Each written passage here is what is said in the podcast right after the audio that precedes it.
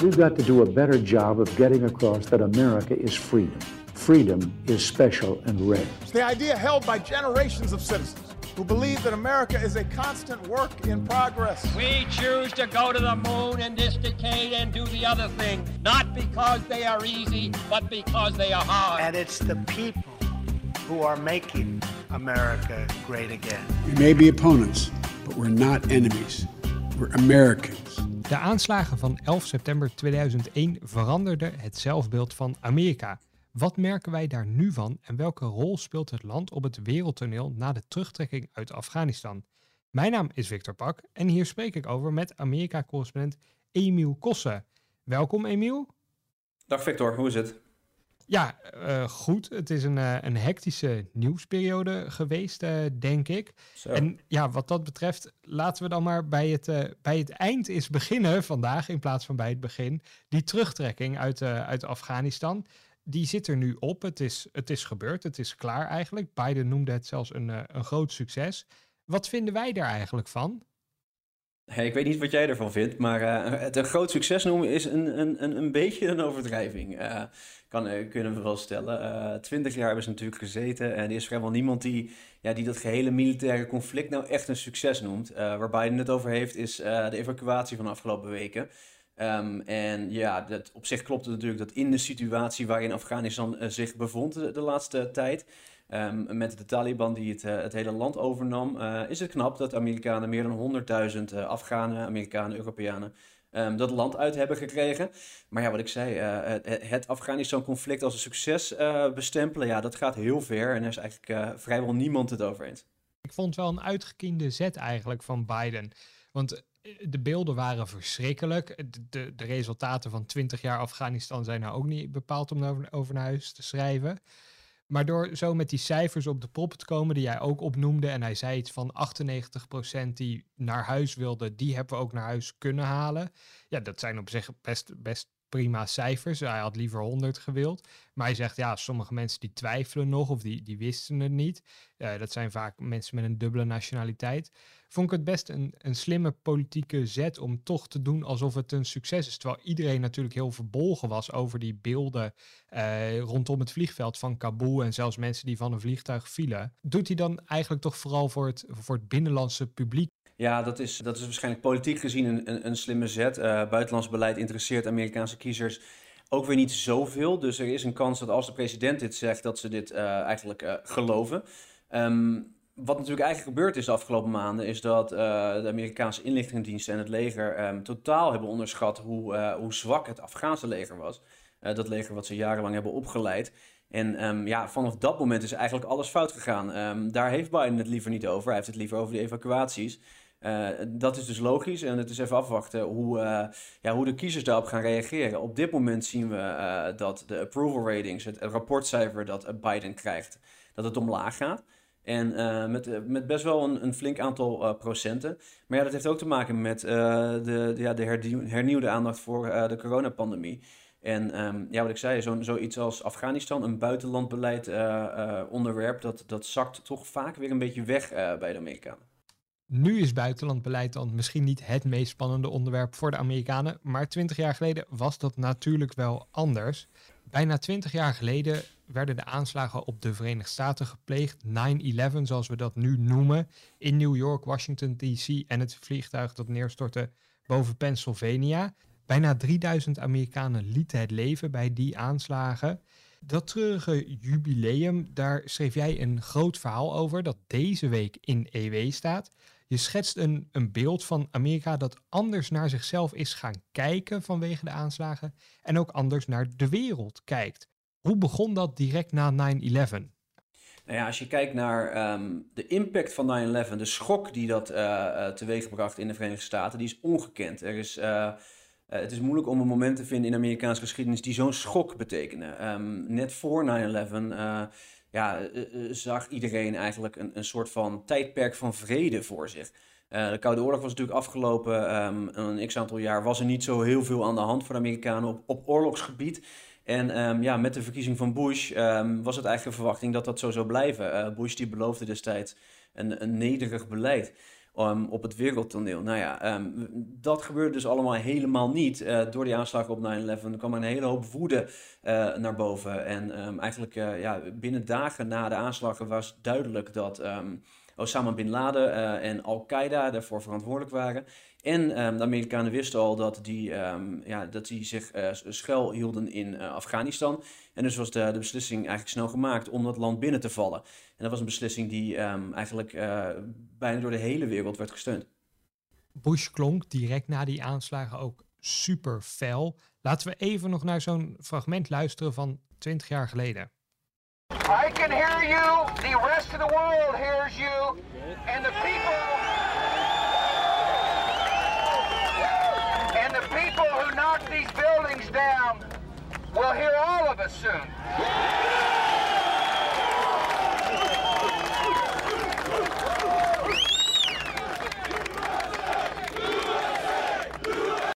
Een felle Bush en eigenlijk consensus schet jij in Amerika over het binnenvallen van Afghanistan. Had dat toen ook anders kunnen gaan? Ja, um, analisten en experts die nu terugkijken, die zien allerlei mogelijkheden voor, voor hele andere paden um, die Amerika had kunnen kiezen. Maar op dat moment, um, het hart van Amerika werd aangevallen, New York. Bijna 3000 mensen overleden. Uh, een van de eerste aanvallen uh, op Amerikaans grondgebied. Uh, dan zou je echt helemaal terug moeten naar ja, de, de 1800 nog wat, toen de Britten hetzelfde deden. Ja, dit was zo'n schok. de woede was zo groot. Dus in eerste instantie was er nee, niet echt een andere optie dan um, ja, een militaire conflict starten. En dat gebeurde dan in Afghanistan. Um, ja, wat er de jaren daarna gebeurde, dat had natuurlijk wel anders gekund. Um, het is zeer de vraag hoe hoor, maar ja, de invasie van Irak was zeer omstreden. En um, ja, dat had misschien voorkomen kunnen worden. Maar er wordt ook gediscussieerd over Afghanistan. Natuurlijk nu uh, met die terugtrekking na 20 jaar. Hadden ze bijvoorbeeld die na een jaar teruggekund. Uh, het Amerikaanse leger. Want destijds was de Taliban, uh, de Taliban-leiders waren verdreven. Al-Qaeda was verzwakt. Was dat niet het moment geweest om die soldaten weg te halen? Ja, goed, de meeste, meeste experts die, die ik heb gesproken, die zeggen... ja, eigenlijk was die woede destijds nog, nog veel te groot.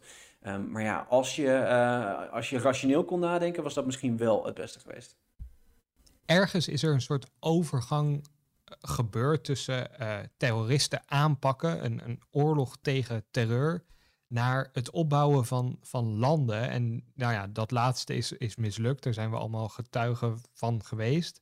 En eigenlijk zeggen dus een aantal experts, toen hadden we moeten ingrijpen. Of dat hadden we vooral niet moeten doen. We hadden moeten stoppen na die aanpak van terroristen. Alleen de woede was nog te groot. Dus eigenlijk, ik vroeg je, had die reactie anders gekund?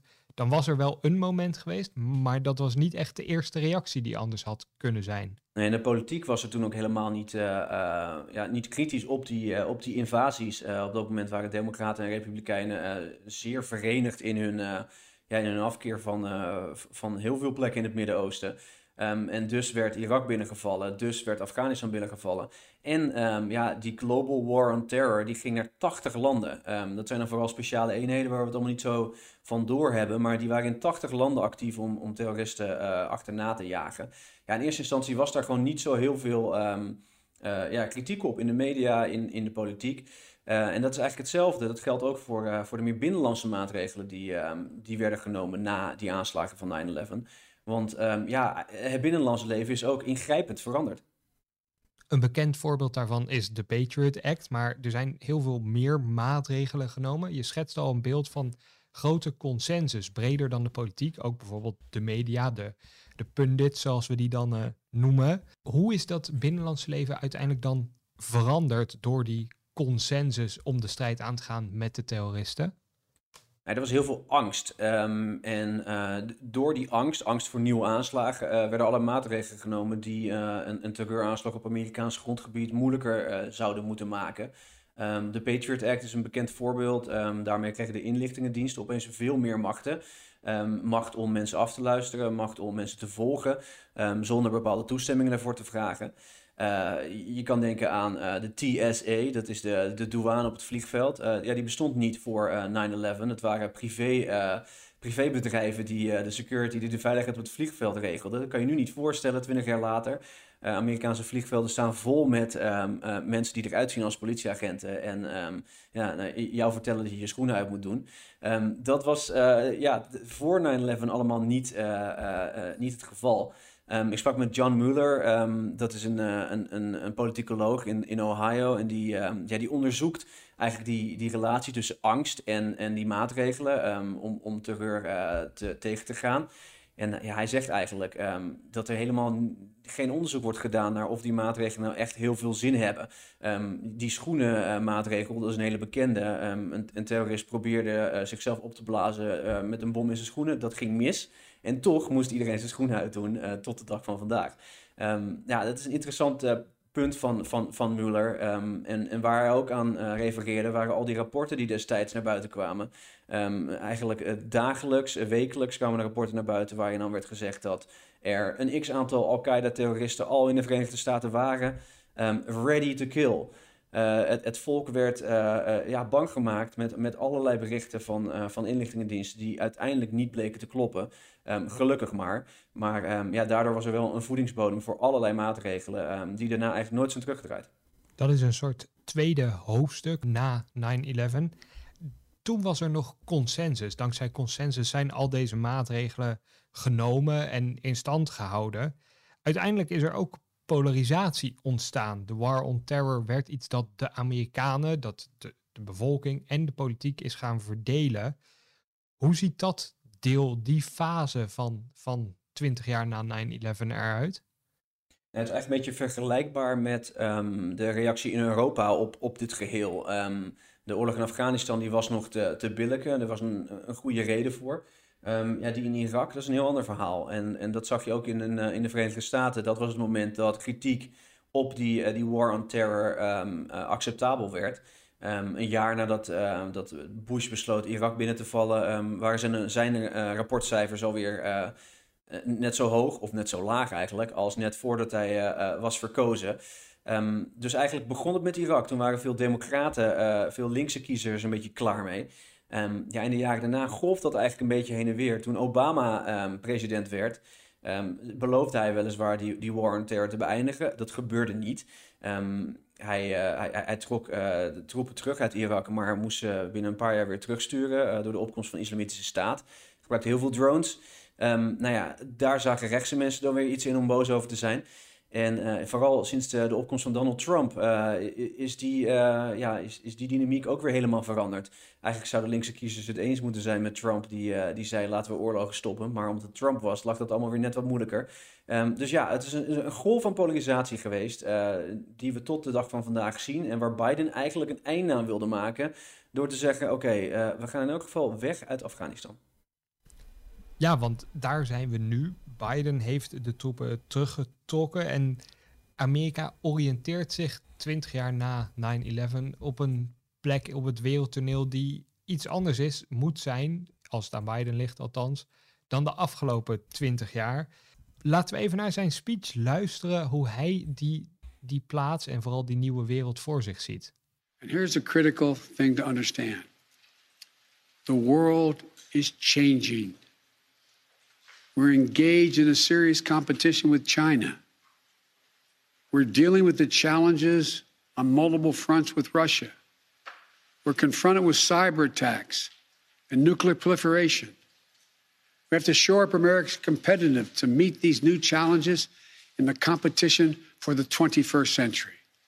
Biden noemt China, Rusland, uh, cyberaanvallen, uh, nucleaire raketten, maar geen terrorisme. Is dit dus het nieuwe beeld dat Biden voor de Verenigde Staten en de wereld ziet? Nou, Biden wil uh, graag de president zijn die Amerika uh, een nieuw tijdperk inbrengt. Um, dat betekent uh, niet per se dat de oorlog tegen terreur helemaal is afgelopen, omdat die dreiging um, ja, eigenlijk oneindig is. dat gaat maar door en dus moeten de Amerikanen daarop blijven letten, de, de inlichtingendiensten en de speciale troepen.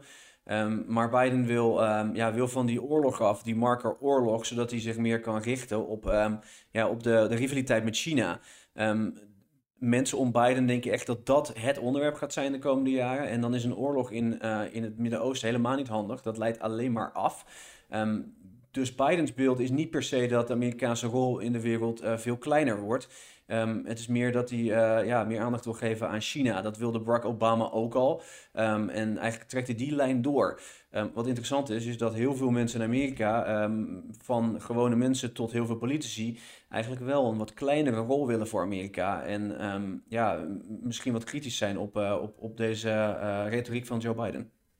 Ik had juist het idee dat er wel consensus was over die, die aanpak van China? Want je zei al, Obama die, die begon met de focus op Azië te leggen. Trump deed dat natuurlijk ook. De, de handelsconflicten, de tarievenoorlogen tussen Amerika en, en China leefden onder hem op. Biden is nog steeds ook kritisch op, op China. Dus waar zit die kritische component hem in? Ja, het is niet de kritiek op China die, um, die tot verdeeldheid leidt. Um, het is wel dat een aantal van de, um, de mensen die, uh, die invloed hadden rond uh, de oorlogen na 9-11, dat die nu zeggen, um, ja, misschien komt er wel een militair conflict met China. Wij willen het niet uitsluiten.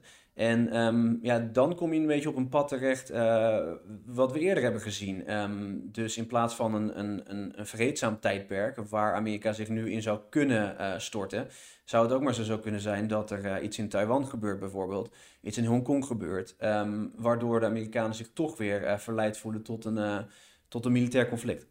Duidelijk. En ja, wij als Nederlanders dan, of als Europeanen, wij schuilen nog onder de veiligheidsparaplu van de Amerikanen, die zij opklappen en ook betalen.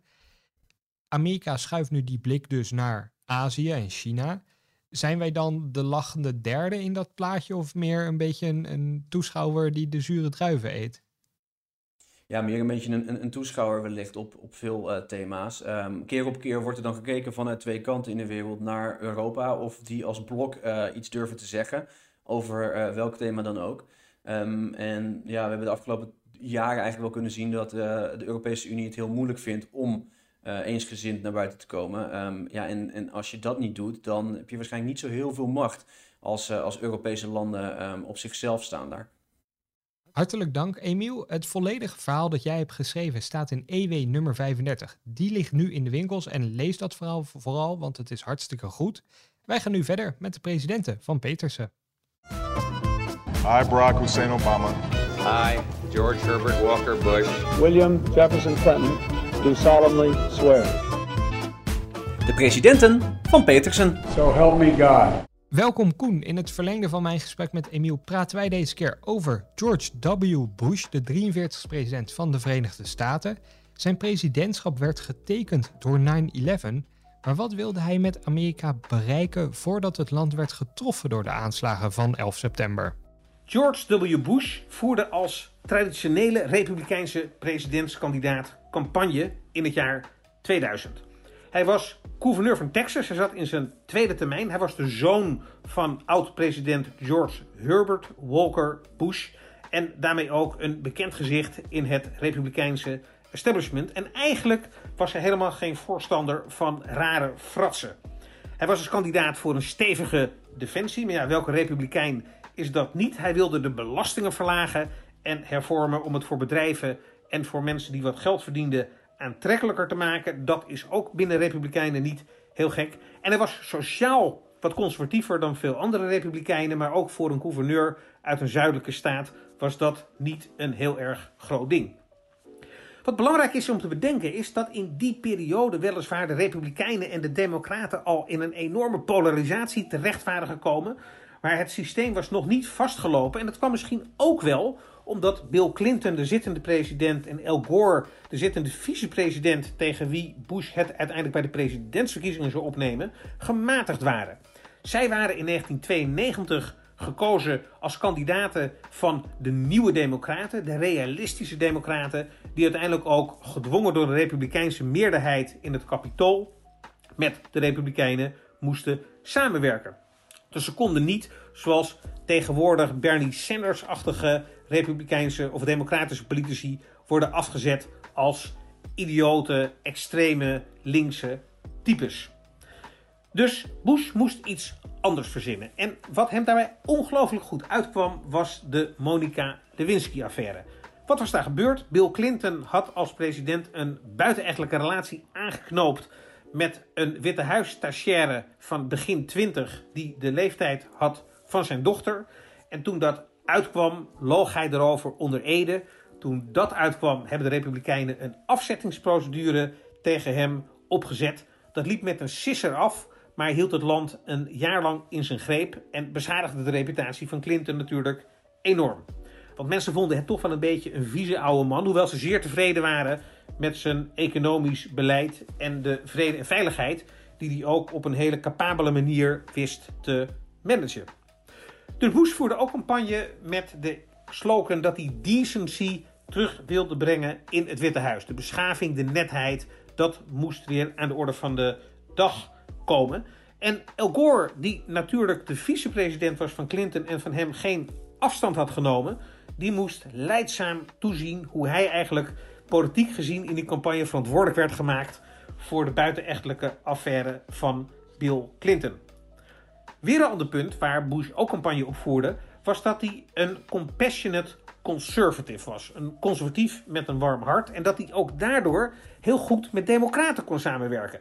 Dat had hij in Texas laten zien op verschillende dossiers. En dat was ook waar hij uiteindelijk op campagne voerde. Van oké, de politiek is gepolariseerd. Maar ik ga al die partijen weer bij elkaar brengen.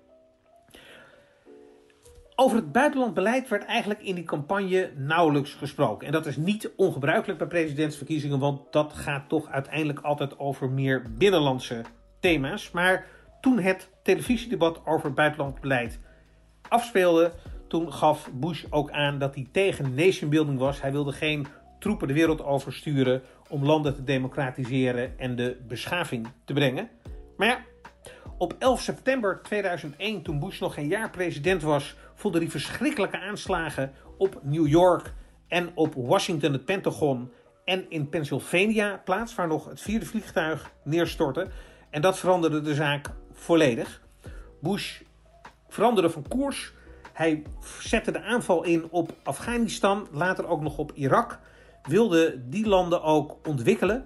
En uh, in zijn memoires gaf hij ook aan dat dat het moment was waarop hij changed his mind, van gedachten veranderde. En dat maakte zijn presidentschap uiteindelijk ook heel erg anders dan hij in de campagne had bedacht en verteld. Weten we wat Bush vindt van het einde van de oorlog in Afghanistan? Wie de activiteiten van Donald Trump sinds zijn aftreden als president heeft gevolgd, krijgt de indruk dat presidenten die niet meer in het Witte Huis zitten er een dagtaak aan hebben om hun opvolgers te bekritiseren en voor de voeten te lopen. Maar niets is minder waar. Het is gebruikelijk dat presidenten, als die eenmaal zijn afgetreden, zich wat terughoudender opstellen, zich niet echt bemoeien met de dagelijkse politiek, ook kritiek leveren op hun opvolgers als dat achter de schermen kan, maar eigenlijk daar niet echt de spotlight mee opzoeken.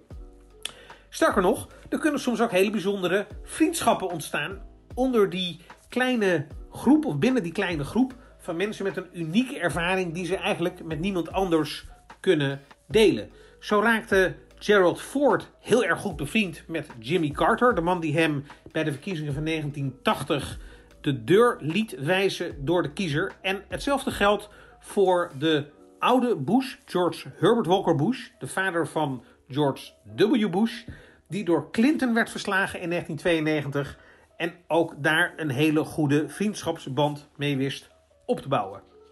Nou, in dat opzicht is het ook niet heel erg uniek dat de afgetreden George W. Bush, de man die de inval in Afghanistan en in Irak op poten zette, dat die zich ook niet heel erg actief heeft gemengd in het debat rond die terugtrekking. Wat hij wel heeft gedaan is een statement uitgebracht. De dag na de zondag waarop de Taliban Kabul onder controle kregen en die grote problemen ontstonden om Amerikanen en anderen te evacueren, heeft hij een uh, verklaring uit uh, doen gaan waarin hij eigenlijk twee punten benadrukt. Op de eerste plaats heeft hij gezegd: de Afghanen die ons geholpen hebben en die in aanmerking komen voor zo'n speciaal visum om toegang te krijgen tot Amerika, die moeten dat ook zo spoedig mogelijk krijgen. En alle bureaucratie die daarmee gepaard gaat en die hij natuurlijk ook als president uit ervaring heeft gezien, daarvan heeft hij gezegd dat moeten we stoppen. Die mensen verdienen dat niet, ze lopen gevaar. Die moeten zo snel mogelijk naar Amerika worden gehengeld. En het tweede punt dat Bush ook maakte in zijn verklaring is een woord van dank aan de Amerikaanse troepen die zich twintig jaar lang met gevaar voor lijf en leden hebben ingezet om te voorkomen dat Afghanistan een nieuwe basis voor terroristen zou kunnen vormen. En ook Al-Qaeda, de aanslagplegers van 11 september, buiten de deur heeft weten te houden. Zij hebben Amerika veilig gehouden die afgelopen 20 jaar. Hebben er soms een verschrikkelijke prijs voor moeten betalen in de zin van uh, verminkingen. Uh, dan wel dat ze het leven hebben gelaten. Dan wel dat ze mentaal grote problemen hebben opgelopen. En Amerika is die soldaten, die Amerikaanse troepen, voor eeuwig dank verschuldigd. Dat was eigenlijk waar de verklaring van Bush zich toe beperkte. En hij heeft niet de moeite genomen om een oordeel te vellen over de beslissing van Biden om Afghanistan te verlaten. Of over de manier waarop dat is gebeurd. En zoals gezegd, dat past eigenlijk heel erg in de traditie van hoe oud-presidenten met hun opvolger omgaan. Bush was de zoon van George Herbert Walker Bush, die van 1989 tot 1993 president was. Wat heeft Bush junior daaraan gehad? Het is in de Amerikaanse geschiedenis twee keer voorgekomen dat zowel vader als zoon in het Witte Huis terecht kwamen. Aan het begin van de Amerikaanse Republiek waren dat John Adams, Amerikaans tweede president, en John Quincy Adams, zijn zoon, die de zesde president van de Verenigde Staten zou worden. En in onze tijd waren dat George Herbert Walker Bush, de oude Bush, Bush 41, de 41ste president van de Verenigde Staten, en zijn zoon George W. Bush, die de 43ste president van de Verenigde Staten werd. De grote vraag onder liefhebbers is: is het nou voordelig of nadelig voor de zoon om een vader te hebben die ook president is geweest? En naar goed gebruik bij dit soort debatten is daar niet een eensluidend oordeel over te geven. Het heeft voor- en nadelen. Een van de voordelen is dat je wordt grootgebracht in een familie en in een omgeving waar politiek aan de orde van de dag is. Dat betekent dat je wordt meegenomen in discussies, maar ook in een bepaalde manier naar discussies kijken. Maar de mensen die over de vloer komen, die worden toch onderdeel van de familie- en kennissenkring. En dat is voor je netwerk ook goed. Dus als je mensen nodig hebt die inhoudelijk iets kunnen vertellen, dan ken je ze of ze zijn dankzij de geschiedenis van je vader makkelijker te bereiken. Maar het gaat in politiek natuurlijk niet alleen om de inhoud, het gaat ook om de organisatie. Als je het Witte Huis wil winnen, moet je campagne kunnen voeren. En daar heb je organisatie en geld voor nodig. En op het moment dat het jouw vader is gelukt om dat te doen, betekent dat dat hij fundraisers, mensen heeft die geld kunnen mobiliseren van geldschieters. En daarnaast ook politiek operationele mensen die in staat zijn om een campagneorganisatie op te zetten, om speeches te schrijven, om een goede boodschap te verzinnen, om de media te bespelen. Met andere woorden, dat zijn allemaal lieden die al in je omgeving rondlopen en waar je relatief makkelijk in geval mee in gesprek kunt raken. Wat voor beginnende presidentskandidaten heel belangrijk is bij die voorverkiezingen is naamsbekendheid. Het gebeurt vaak dat een gouverneur of een senator in zijn eigen staat heel erg bekend is.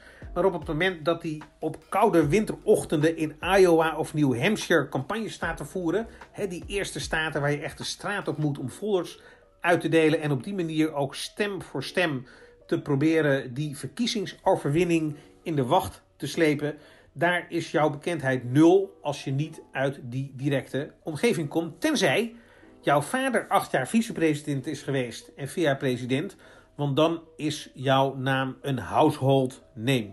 En of je dan Kennedy heet, of Clinton heet, of Bush heet, dat is wel een ongelooflijk groot politiek voordeel. Het heeft ook een paar nadelen. Op de eerste plaats is dat een beetje de reputatie. Want waar altijd in glanzende termen over een tweede of derde generatie banketbakker of ambachtsman wordt gesproken, is een tweede of derde generatie politicus toch een beetje vervuild door het vak. En is dat niet altijd een aanbeveling. Er wordt handjeklap verondersteld, geheime deeltjes, wellicht allemaal ten onrechte, maar het is wel wat bij mensen beklijft. Uh, en daarnaast is het natuurlijk onvermijdelijk dat je ook met je vader in dat geval wordt vergeleken. En waar Bush zijn vader bekend stond als een safe pair of hands, iemand van het oude stempel die je echt om een boodschap kon sturen, daar stond de jonge Bush bekend als een cowboy. Iemand die op een wat wildere manier gouverneur van Californië was geworden. Uh, ook uh, toegaf dat hij drankproblemen had uh, gehad, een wilde tijd had gehad, totdat hij op zijn veertigste tot inkeer kwam. En dat contrast was een fenomeen waar de jonge Bush eigenlijk nooit zo heel erg gunstig uitkwam. Het kan ook je geloofwaardigheid ondermijnen, want kiezers denken van ja, hij weet alleen maar dat baantje te krijgen en die verkiezing te winnen omdat zijn vader zich ermee heeft vermoeid, omdat die vader al bekend was. En eigenlijk was hij met een andere naam nooit zover gekomen. En dat is natuurlijk ook een lastige factor. Daarnaast blijft die geest van je vader, waar het gaat om standpunten die hij heeft of een mening over jouw presidentschap, altijd als een wolk boven de markt hangen. En toen de jonge Bush besloot Afghanistan en Irak binnen te vallen, toen werd ook onmiddellijk de vergelijking getrokken met de vader, George Herbert Walker Bush, die Kuwait ontzette en de troepen van Saddam Hussein uit Irak terug wist te jagen naar huis, maar niet de inval in Irak inzette en daarmee eigenlijk Saddam Hussein liet zitten. Dat werd destijds behoorlijk gecritiseerd. Waarom gaat die vent niet door en waarom wordt Saddam Hussein niet afgezet? Maar toen we de puinhopen zagen van de Amerikaanse bezetting van Irak na het verdrijven van Saddam Hussein door de jonge Bush, dacht iedereen die oude was zo onverstandig nog niet. En dat is wel een vergelijking waar je permanent mee te maken hebt. El Gore probeerde in de campagne Bush ook nog weg te zetten in 2000 als iemand van het establishment, want zijn vader was ook al president geweest en zijn grootvader senator voor de staat Connecticut. Maar daarbij was Gore een klein beetje vergeten dat zijn eigen vader ook heel lang senator was geweest. En kandidaat voor het vicepresidentschap bij verkiezingen die de Democraten niet wonnen. Maar al met al heeft het uh, voor- en nadelen en ligt het een beetje eraan uit welke hoek de wind waait. Of je daar als presidentskandidaat uh, wat aan hebt of niet. Wat onbekend is en wat ook wel de gemoederen heeft bezig gehouden, is de vraag: welke adviezen heeft de oude Bush aan zijn zoon gegeven? Zoals gezegd, er waren stijlverschillen zichtbaar, er waren inhoudelijke verschillen dicht, zichtbaar als je die naast elkaar uh, zou leggen.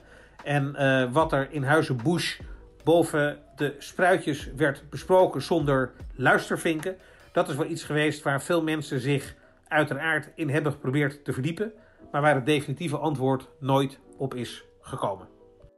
Tijdens zijn presidentschap werd geregeld gesuggereerd dat vicepresident Dick Cheney stiekem de touwtjes in handen had. Wat klopt er van dat beeld? Dick Cheney werd op een beetje bijzondere manier de running mate van Bush bij de verkiezingen van 2000 en daarna na die overwinning de vicepresident van Bush. Wat speelde er? Bush had als presidentskandidaat een kandidaat vicepresident nodig en hij vroeg Cheney om de oefening te leiden om een kandidaat te selecteren en voor te dragen. En Cheney had verschillende kandidaten in gedachten, maar uiteindelijk zei Bush tegen hem: Ik vind ze allemaal niet goed genoeg, ik wil jou. En Cheney had er eigenlijk geen zin in.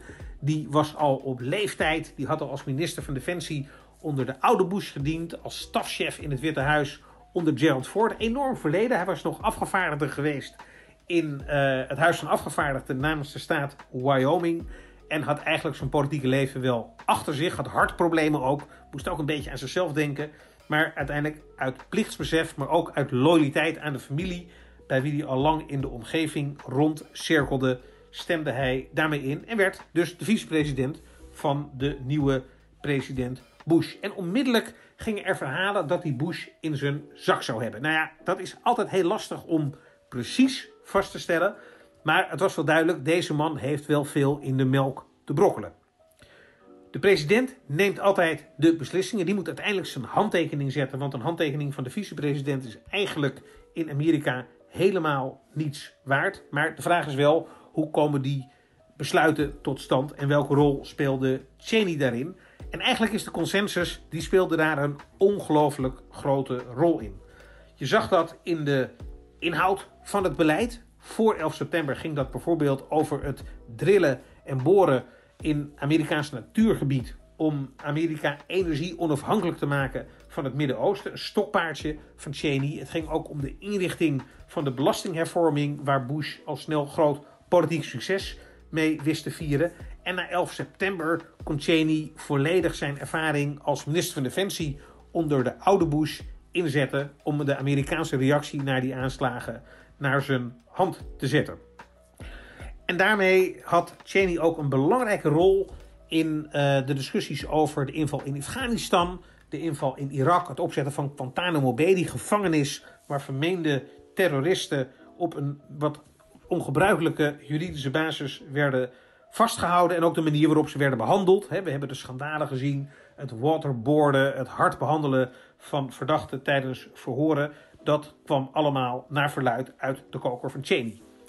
Cheney was ook heel belangrijk in de uitvoering van beleid. Bush had eigenlijk vooral belangstelling, in de, hè, belangstelling voor de hoofdlijnen van beleid. En Cheney zei, weet je wat, ik zorg er dan wel voor dat dat wordt uitgevoerd. En die had uit ervaring gemerkt dat de details van de uitvoering ongelooflijk belangrijk zijn voor hoe dat beleid uiteindelijk landt.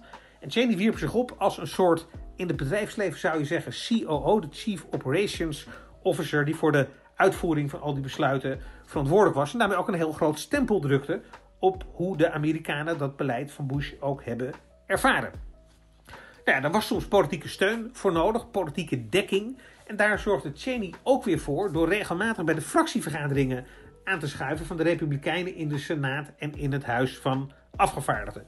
Zoals gezegd, Cheney was zelf ook een tijdje afgevaardigde geweest, een machtspoliticus.